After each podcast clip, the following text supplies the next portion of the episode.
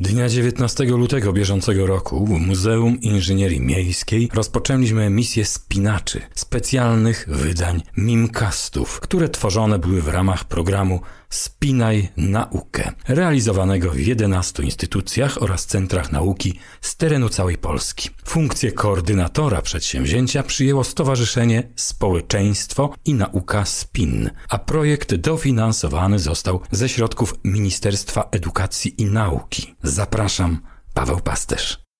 Muzeum Inżynierii Miejskiej w Krakowie prezentuje.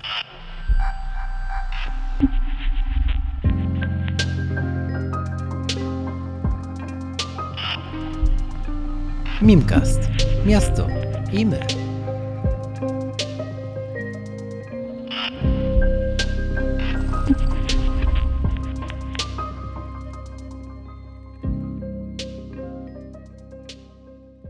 Rozpoczynamy zatem ósmy odcinek Spinacza. Ósemka dobrze się kojarzy, bo ma ładne proporcje, a jeśli ją tak położyć na boku, horyzontalnie, to wyjdzie nam symbol nieskończoności, a co też może być odczytane jako pozytywna prognoza. A przechodząc do rzeczy, czyli do Spinacza, Państwa i moim gościem będzie dziś Wojciech Zabielski, licencjonowany przewodnik po Królewskim Mieście Krakowie. Witam serdecznie. Dzień dobry. Królewskie Miasto Kraków to nie tylko Wawel, ulica Grodzka, rynek i sukiennice. To nie tylko wspaniała historia państwa polskiego i hejnał z Mariackiej Wieży w samo południe. W Krakowie oprócz traktu królewskiego, słynnego szlaku koronacyjnych wjazdów, żyje też inny.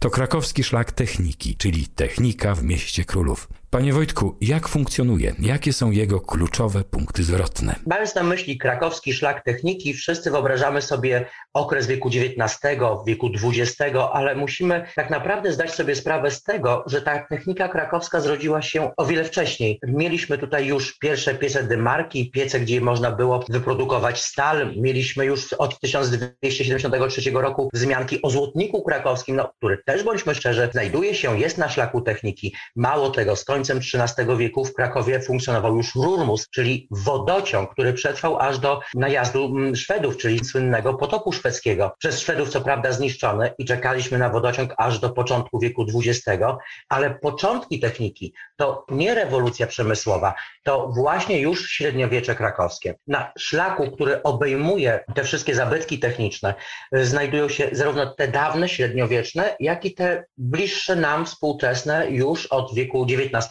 powstające, chociażby dworzec kolei państwowej, niegdyś nazywany po prostu dworcem kolei żelaznej. A o którym z zabytków, tych artefaktów krakowskiego szlaku techniki możemy powiedzieć, że należy do najstarszych? Myślę, że śmiało możemy powiedzieć o Rurmusie, czyli o wodociągu, gdzie pobranie wody znajdowało się w okolicach dzisiejszego kościoła reformatów, a tak naprawdę całe Stare Miasto było mm, zaopatrzone w, no nie powiem bieżącą wodę, bo ta woda była dostarczana do, do żąpi, które znajdowały się czy to na placach miejskich, czy na dziedzińcach kamienic, a nie bezpośrednio oczywiście w domach i w naszych kranach. Ale myślę, że już koniec XIII wieku możemy mówić o tak naprawdę rozwoju techniki w Krakowie. Jak wyglądała taka konstrukcja wodociągowa? Ja rozumiem, że nie było to urządzenie podobne do na przykład akweduktów znanych z czasów rzymskich. Pobór wody miał miejsce oczywiście w rzece w Młynówce na zasadzie pracy koła młyńskiego. Odpowiednie naczynia drewniane pobierały tą wodę, była ona wznoszona w górę i na zasadzie grawitacji była rozprowadzana po mieście za pomocą rur. Te rury wykonane były po prostu z pni drzew, wydrążonych w środku, doprowadzane były do żąpi i żąpia wkopała tak mniej więcej do wysokości dwóch trzecich w ziemię, z tego powodu, żeby w noc w zimie nie zamarzała, była niejako takim węzłem wodociągowym, bo z jednej strony można było przyjść i z żąpi przez taki specjalny karanik z kurkiem tej wody nabrać, a z drugiej strony w żąpi powstawało podciśnienie, co pozwalało rozprowadzać wodę dalej. Czyli żadnych ołowianych elementów w tych konstrukcjach nie stosowano. Na łączeniu poszczególnych elementów, czyli tych drewnianych rur, znajdowały się stalowe łączniki, ale to było tyle. To były takie rury o przekroju zamkniętym, czy takie w formie koryt częściowo otwartych? Nie, to były rury o przekroju zamkniętym, wydrążone pnie, pnie drzew. Pnie były zakopane pod ziemią.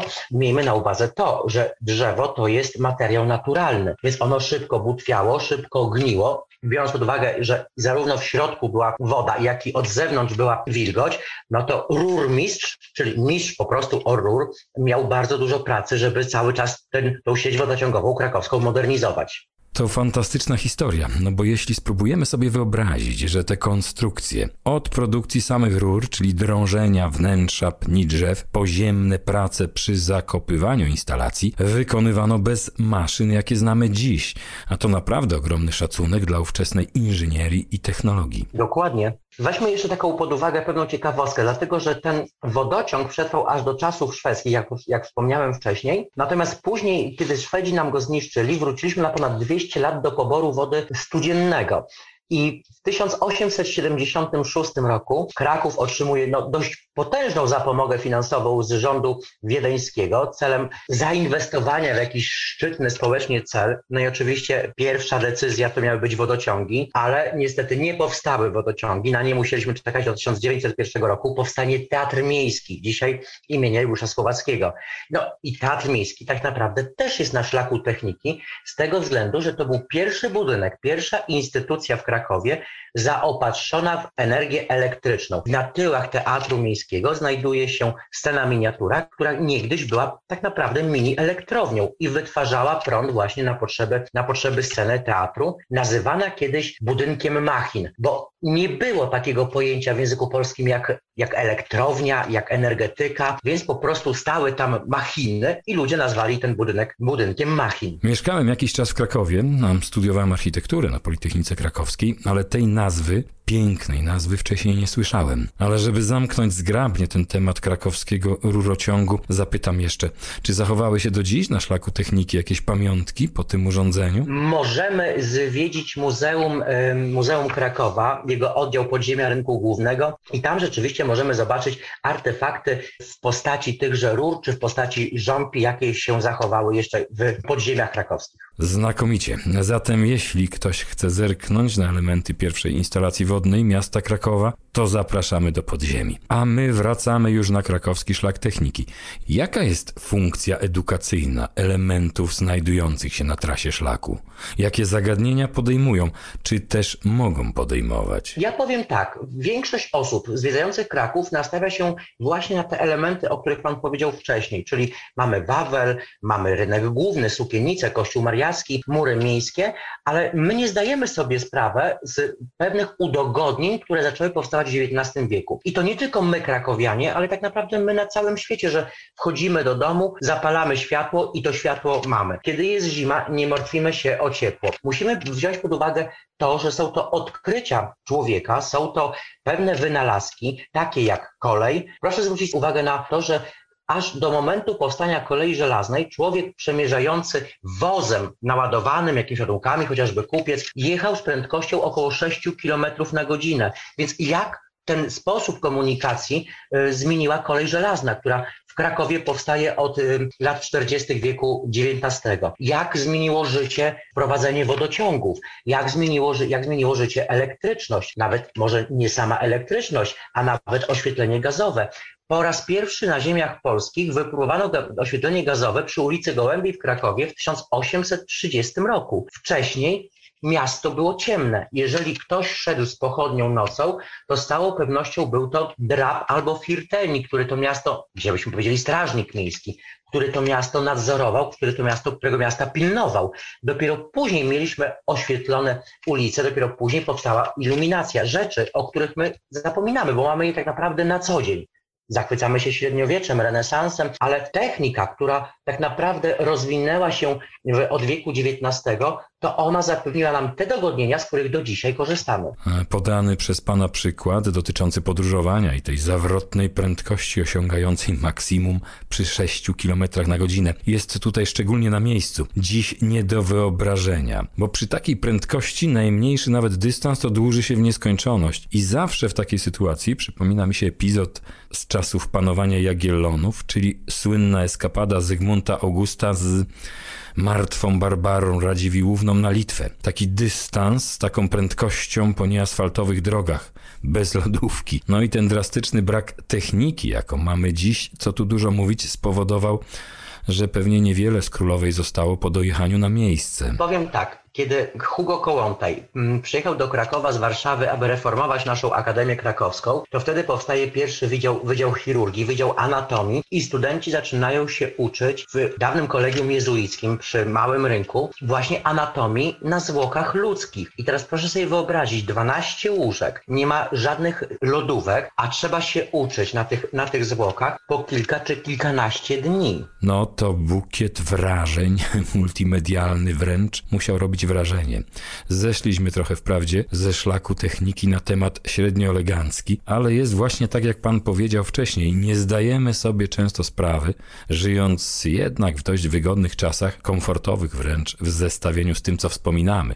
A w końcu XVIII-XIX wiek to nie jest tak bardzo dawno. Nie potrafimy sobie wyobrazić, jak to było bez światła, bez środków transportu, bez lodówek, pralek i odkurzaczy. No przecież wystarczy, że prąd wyłączą na pół godziny, albo padnie Facebook i już część pokolenia czuje się żywcem ograbiona z człowieczeństwa. Nawiązując do kolei żelaznych i samego transportu, człowiek od średniowiecza aż do pojawienia się tak naprawdę kolei podróżował przekraczając, pokonując 30 km dziennie, więc proszę sobie wyobrazić wycieczkę szkolną, która przekracza 30 km dziennie, a oddalona jest od Krakowa o 300. Taki najprostszy, najprostsze mm, zadanie matematyczne. 10 dni do Krakowa, żeby tu spędzić dzień, dwa bądź trzy i 10 dni z powrotem do domu. A dodajmy do tego jeszcze najpopularniejszą wówczas siłę napędową na czterech nogach z kopytami. No a zwłaszcza to, co pozostawiała po sobie na drogach, ulicach i placach.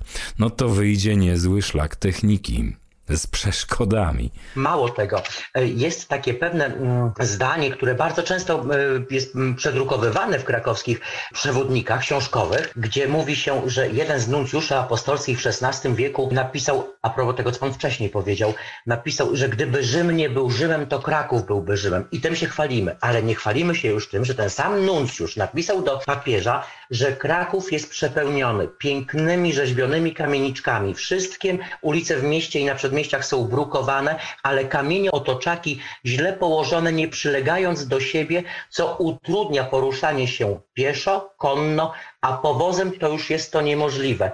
Ponadto we wszystkich rynsztokach miejskich i pomiędzy kamieniami walają się ludzkie i zwierzęce odchody. No i tym zdaniem zamknijmy na razie kwestie związane z codziennymi atrakcjami miejskimi w nie tak odległej przeszłości. Szlaki techniki instalowane w strukturach miejskich tworzą swego rodzaju inżynieryjny obraz miasta. Jakie przemiany tych struktur dzięki temu możemy zaobserwować? Jakie czynniki miastotwórcze takie przemiany generują? Dzięki technice Kraków zaczął się oczywiście rozrastać. Juliusz Leo, prezydent, był twórcą tak zwanego Wielkiego Krakowa. To dzięki temu, że wprowadzono elektryfikację, że posiadaliśmy już od 1900 roku tramwaje elektryczne, że można było się z większą prędkością po tym mieście poruszać, przenosić, można było to miasto oczywiście również i powiększać. Powstała już w XIX wieku gazownia dla miasta Krakowa. Powstała już z końcem XIX wieku dla miasta Podgórza, no teraz część Krakowa. Elektrownia, później taka w 1906 powstaje dla miasta Krakowa. To wszystko znajduje się właśnie na szlaku techniki, tworzy techniczny obraz miasta. Mało tego, mamy również pewne incydenty związane z rozwojem techniki, które mogłyby unicestwić pewne zabytki. I tak na przykład, kiedy wprowadzono tramwaj elektryczny, a była możliwość, że wagony będą ocierały się o prezbiterium średniowiecznego kościoła świętego Idziego, to pewna grupa osób chciała przebudować kościół XIV-wieczny tak, żeby prezbiterium przenieść na drugą jego stronę. Kiedy miał tramwaj przejechać pod bramę floriańską, a nie mieścił się pod nią, była grupa osób, która optowała, żeby tą bramę floriańską wyburzyć. To całkiem dobrze, że ktoś nie forsował pomysłu w dobie rozwoju komunikacji, bo wtedy zawsze pewna grupa osób, często decyzyjnych właśnie, zachłystując się nowymi możliwościami, robi bardzo głupie rzeczy. Żeby tramwaj wjeżdżał na Wawelskie Wzgórze, pod dziedziniec zamkowy. Chwała Bogu. Wyobraża pan to sobie? Myślę, że nie byłoby to możliwe, że z końcem XIX wieku już ludzie mieli takie pojęcie za, zabytku. Być może mniej ważna była brama floriańska i kościół świętego Idziego, no ale perełką w Krakowie i tym centrum duchowości narodu zawsze był Wawel, więc tam by tramwaju z pewnością nie wpuszczono. Pomijam utrudnienia, jakim byłoby układanie torowiska pod górę wzgórza Wawelskiego, bo to jest no, 24 metry. E, to wie pan, kolejka linowo-szynowa jak na Gubałówkę albo górę parkową w Krynicy załatwiłaby sprawę. No, dobrze, ale nie mówmy może o tym głośno, bo nie wiadomo kto słucha tej audycji dziś, a w dzisiejszych czasach, jakby to powiedzieć, nawet na Wawelu dzieją się dziwne rzeczy. Nie ma co wywoływać przysłowiowego wilka z lasu. No dobrze, do rzeczy, czyli na szlak. Czy możemy nakreślić taki obraz, taką wersję Krakowa z perspektywy techniki? Oczywiście, że tak. Moglibyśmy zacząć nawet od samego Podgórza, gdzie powstała dużo wcześniej aniżeli w Krakowie elektrownia miejska zaopatrująca Podgórze w prąd elektryczny.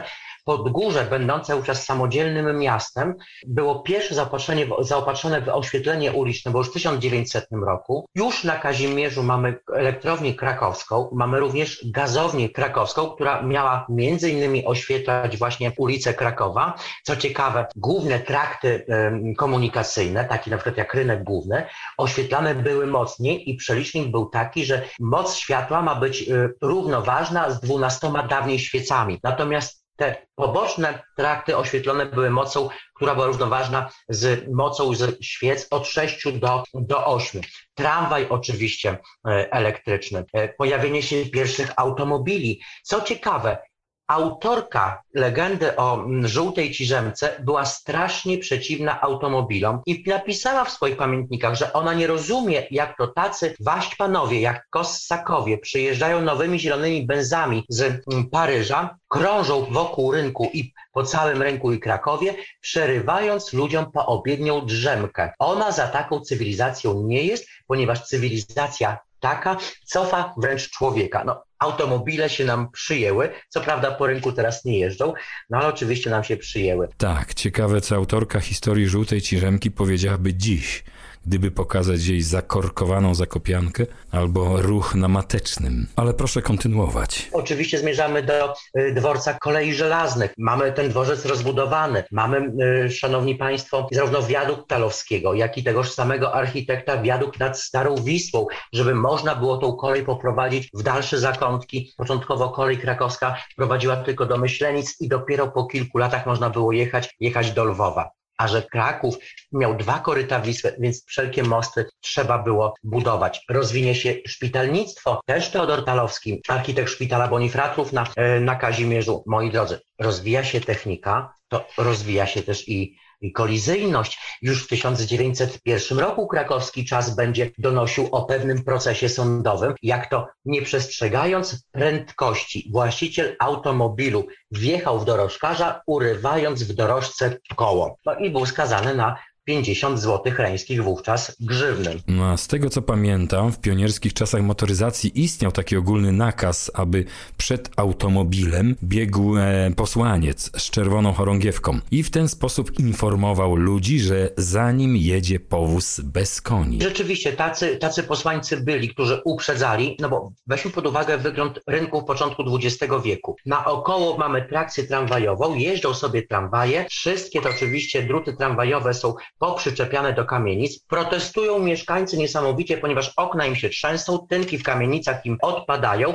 Dodatkowo jeszcze mamy na rynku postoje dorożek i pojawiają się automobile. I jeszcze są piesi powiem szczerze, rynek nie był tak bezpieczny w związku z tą pojawiającą się techniką, jak bezpieczny jest teraz i trzeba było uważać. Kiedy pojawili się, pojawiły się tramwaje, co ciekawe, pojawiły się też, pojawili się też pasażerowie na gapę, bo taki wagon tramwajowy zawsze był klasy pierwszej i klasy drugiej. Oczywiście w klasie drugiej płaciło, w klasie pierwszej płaciło się więcej niż w drugiej i pojawiali się pasażerowie na gapę, nazywani jaskółkami, bo co oni robili?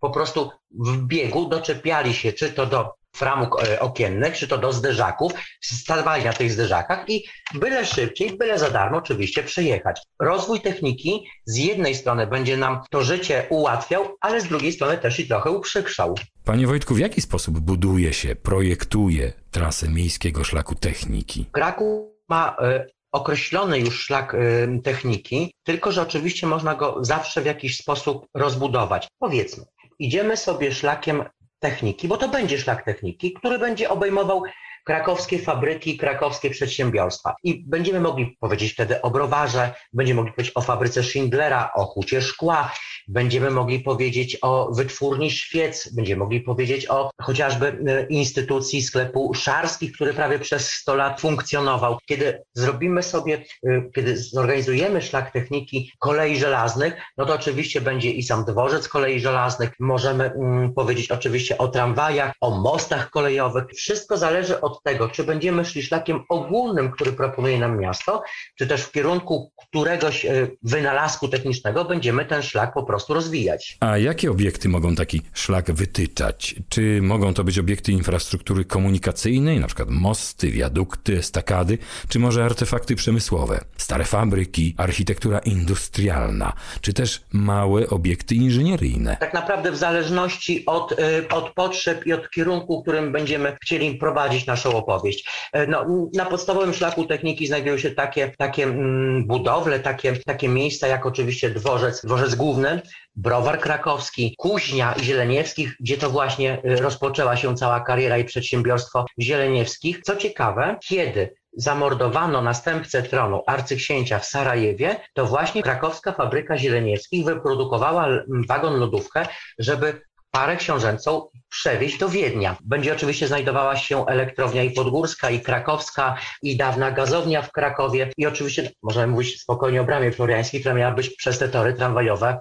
wyburzona. Z racji moich studiów i pomieszkiwania w Krakowie w latach 80. i na początku 90.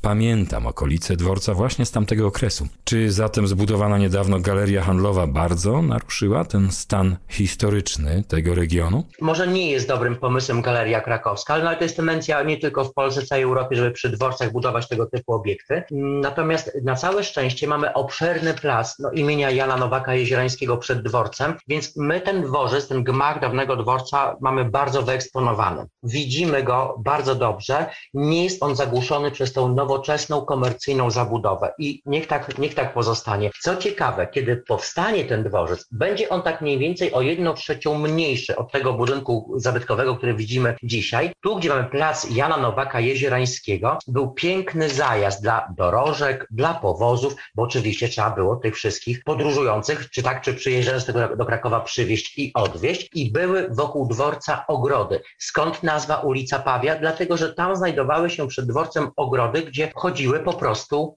Pawie. Technika, ale jak na dawne czasy połączona jednocześnie z przyrodą, z rozwiązaniami miejskimi parkowymi. Nie to, co dzisiaj mamy, że ta technika powoduje betonowanie, zabudowanie wszystkiego. Zupełnie inny obraz tego dworca. Jak zamkniemy oczy, możemy sobie wyobrazić w latach 60., 70. XIX wieku, aniżeli to, co mamy dzisiaj. No ja to jeszcze pamiętam i całkiem miło wspominam bar Smok, który przed dworcem sobie stał. Był. Mam nawet turystów, którzy czasami się pytają, czy jeszcze istnieje. No niestety nie istnieje, ale stoi do dziś piękny budynek poczty w dworcowej okolicy. Budynek poczty mm, był wykupionym od pewnego mieszczanina, kolekcjonera sztuki początkowo i kiedy ten dworzec powstawał, to tam znajdowała się dyrekcja kolei żelaznej, która dopiero z końcem XIX wieku została przeniesiona na plac Matejki do wielkiego neorenesansowego gmachu projektu Macieja Moraczewskiego. A czy to jest tak, że istnieją jakieś podgrupy tematyczne obiektów na szlaku, które można wybierać, planując trasę zwiedzania? Na przykład tylko fabryki, albo tylko komunikacja. Czy też szlak jest jedną całością, w ramach której te obiekty się przeplatają? To może być tak naprawdę jedna całość, gdzie te obiekty się przeplatają. Poza tym, tak jak ja mówiłem, w zależności od y, takiej konkretnej, ścisłej już tematyki danego spaceru, tak, danej wycieczki, możemy te jedne obiekty eliminować, a wprowadzać drugie. Ja wraz z Muzeum Inżynierii Miejskiej w Krakowie organizujemy teraz e, wycieczki i tematykę mamy naprawdę różną, właśnie związaną z inżynierią, z architekturą, ze szlakiem techniki, więc prowadzimy wycieczki na temat i fabryk, i przedsiębiorstw krakowskich, i ciepłownictwa w Krakowie, i elektryfikacji w Krakowie, i tak jak mówię, i wodociągów oczywiście e, w Krakowie i wszystko to znajduje się na szlaku, na szlaku techniki. Czyli wychodzi na to, że istnieje możliwość pewnej specjalizacji, czy raczej takiego dedykowania szlaku konkretnej tematyce, tak? Gdyby na przykład ktoś zażyczył sobie obejrzeć zabytki komunikacyjne wyłącznie. Tak, możemy iść oczywiście na ulicę Świętego Wawrzyńca na Kazimierz, zobaczyć dawną zajezdnię tramwajową. Możemy przejść sobie na ulicę Szewską w Krakowie, która odchodzi od rynku głównego. Tam są pozostane tory tramwaju wąskotorowego. Co ciekawe, to był tramwaj, który powstanie w początkach XX wieku, taki tramwaj, um, powiedziałbym, letni, ponieważ on fun mm, jeździł, funkcjonował od kwietnia do października na linii od rynku głównego do krakowskich Błoń. Błonia, Lasek Wolski to były obszary wypoczynku mieszczan, ci, których nie było stać oczywiście, żeby pojechać do wód, więc gdzieś na weekend, na sobotę, niedzielę mogli sobie pojechać do Lasu Wolskiego, na terenie Zwierzyńca e, i taki tramwaj właśnie sobie jeździł i to wszystko. Ktoś by szedł ulicą Szewską, myślał, o to, tory tramwajowe, ale nie każdy wie, że to jest tramwaj wąskotorowy, że ten tramwaj właśnie jeździł tylko okresowo, że przez bardzo krótki czas. To są wszystko elementy tak naprawdę nas, naszej historii, chociaż w perspektywie, mm, czy też przez pryzmat techniki patrzonej. A jak wiele zachowało się do dziś tych dawnych, oryginalnych elementów szlaków komunikacyjnych, jeśli weźmiemy pod uwagę właśnie linie tramwajowe? Tak naprawdę z tych pierwszych czterech linii nie zachowała się żadna, bo żadna nie jeździ e, po tej trasie, która niegdyś, niegdyś prowadziła. Większość ich miały swoją, taki, tak powiem, punkt zborny na terenie rynku.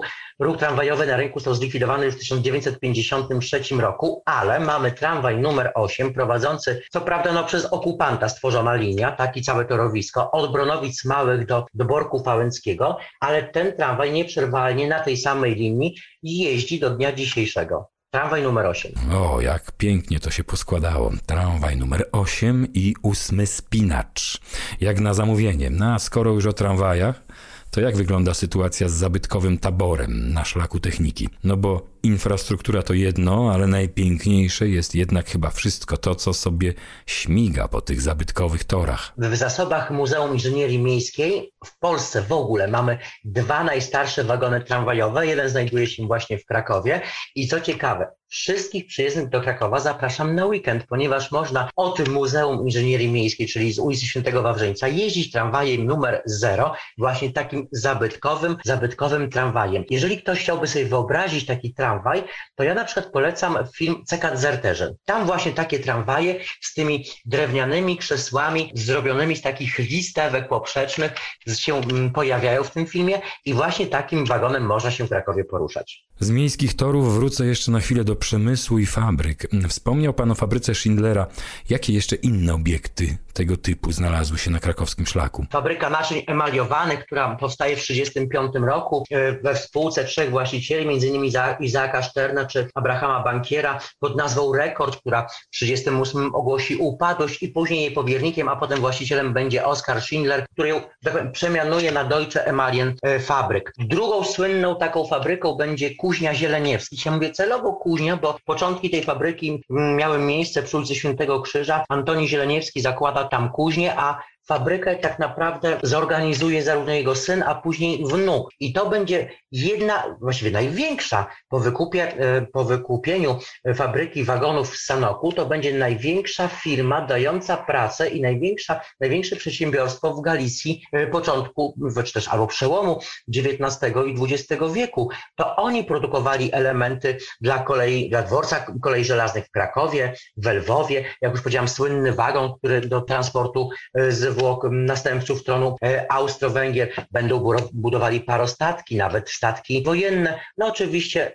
będzie ta kuźnia przejęta po II wojnie światowej przez ówczesne władze. Inną prowadzonym przedsiębiorstwem w Krakowie na, przy ulicy Lubicz będzie browar krakowski, założony przez rodziny mm, e, Dżenych, później przekazany rodzinie Okocińskich, stąd też przez długi czas to browar właśnie Okocim będzie właścicielem tejże tejże fabryki. Mieliśmy też mniejsze przedsiębiorstwa, takie jak na przykład wytwórnie świec Antoniego Rote, żyta z pochodzenia. Pan się bał strasznie, że może splajtować kiedy pojawia się wszędzie oświetlenie elektryczne, więc oprócz świec, które produkował dla rodzin żydowskich, zaczął produkować też świece kościelne dla, dla kościoła katolickiego i bardzo dobrze mu ten interes szedł. Znakomicie się pana słucham. No to teraz pytanie nieco osobiste, bo wiem, że przewodnicy mają zazwyczaj swoje ulubione miejsca i obiekty na trasie.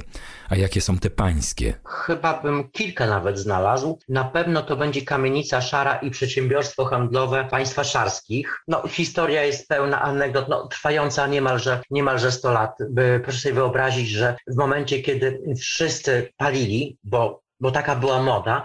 Nawet wnuczka jednego z założycieli Herbewa, czyli firmy w Krakowie, która produkowała tutki do papierosów, miała zalecenie lekarskie, aby palić już w wieku 10 lat. Tam natomiast właściciel, pan Szarski, swojemu synowi, który miał przedsiębiorstwo przejąć, zakazał palenia i żeby nie palił, to dostawał dodatkowy dodatek do pensji. Uwielbiam oczywiście takie miejsce jak dworzej kolei żelaznych. Można opowiadać oczywiście nie tylko o technice, ale również o sprawach kryminalnych. Proszę sobie wyobrazić, że w roku 1900 1917-18 pewną szajką, szajką mm, złodziejską kierował człowiek, który później z końcem października no, stał się bohaterem krakowskim i brał udział czynny w odzyskaniu przez Kraków niepodległości po 123 latach zaborów. I oczywiście Kuźnia Zieleniewskich, która nie dość, że leży na szlaku techniki krakowskiej, to dodatkowo jest tak naprawdę opowieścią o całym rodzie, opowieścią o rodzinie trwającą ponad 100 lat, bo Kuźnia, historia Kuźni rozpoczyna się już w 1810,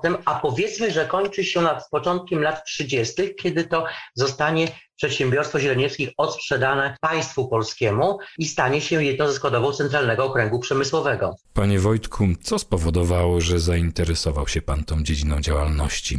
Ja to pytanie zadaję tradycyjnie na początku każdego wydania Spinacza, a tutaj jakoś tak wyszło, że w tym właśnie momencie postanowiłem zapytać o te kwestie. Y, muszę panu powiedzieć, że opowiada pan z taką pasją, z takim zaangażowaniem o tych rozmaitych historiach związanych z Krakowem i z techniką, że słucha się tego fantastycznie i czasem naprawdę. Szkoda, że kończy już pan dany wątek. Zdecydowanie muszę się wybrać na wycieczkę po Krakowie w pana towarzystwie. Ale teraz chciałbym właśnie zapytać o początek tej misji, tak można śmiało powiedzieć, misji popularno-naukowej w przestrzeni miejskiej. Jakby było widać, to bym powiedział, że się zaczerwieniłem. Bardzo dziękuję za tak miłe słowa. Może powiem tak, ja przede wszystkim ku zdziwieniu wielu osób nie jestem e, rodowitym Krakusem, bo pochodzę ze wschodu, pochodzę z Lubelszczyzny. W Krakowie od zawsze byłem zakochany i tutaj się po prostu przeprowadziłem i w pewnym momencie stwierdziłem, że jest dość, jak się pracuje dla kogoś, jak się pracuje w korporacji i postanowiłem zrealizować swoje marzenie i zostać przewodnikiem po Krakowie, co mi się udało uczynić w wieku trzydziestu kilku lat i tą pasją e, chca, chciałbym po prostu zarazać wszystkich. E, uwielbiam to miasto w każdym jego aspekcie, zarówno od średniowiecza po współczesność, od techniki po kryminał, od skandalu po romans i staram się to miasto odkrywać, a powiem, jest to miasto i zawód mój, który wykonuję taki, że ten zawód się nie kończy i to miasto też się nie kończy. No, taka niekończąca się opowieść, ale wybrał pan sobie niezwykłą tematykę, bo przecież każdy pracę przewodnika krakowskiego kojarzy. To jest to, od czego zaczęliśmy. Z Wawelem, sukiennicami, kościołem mariackim i tak dalej.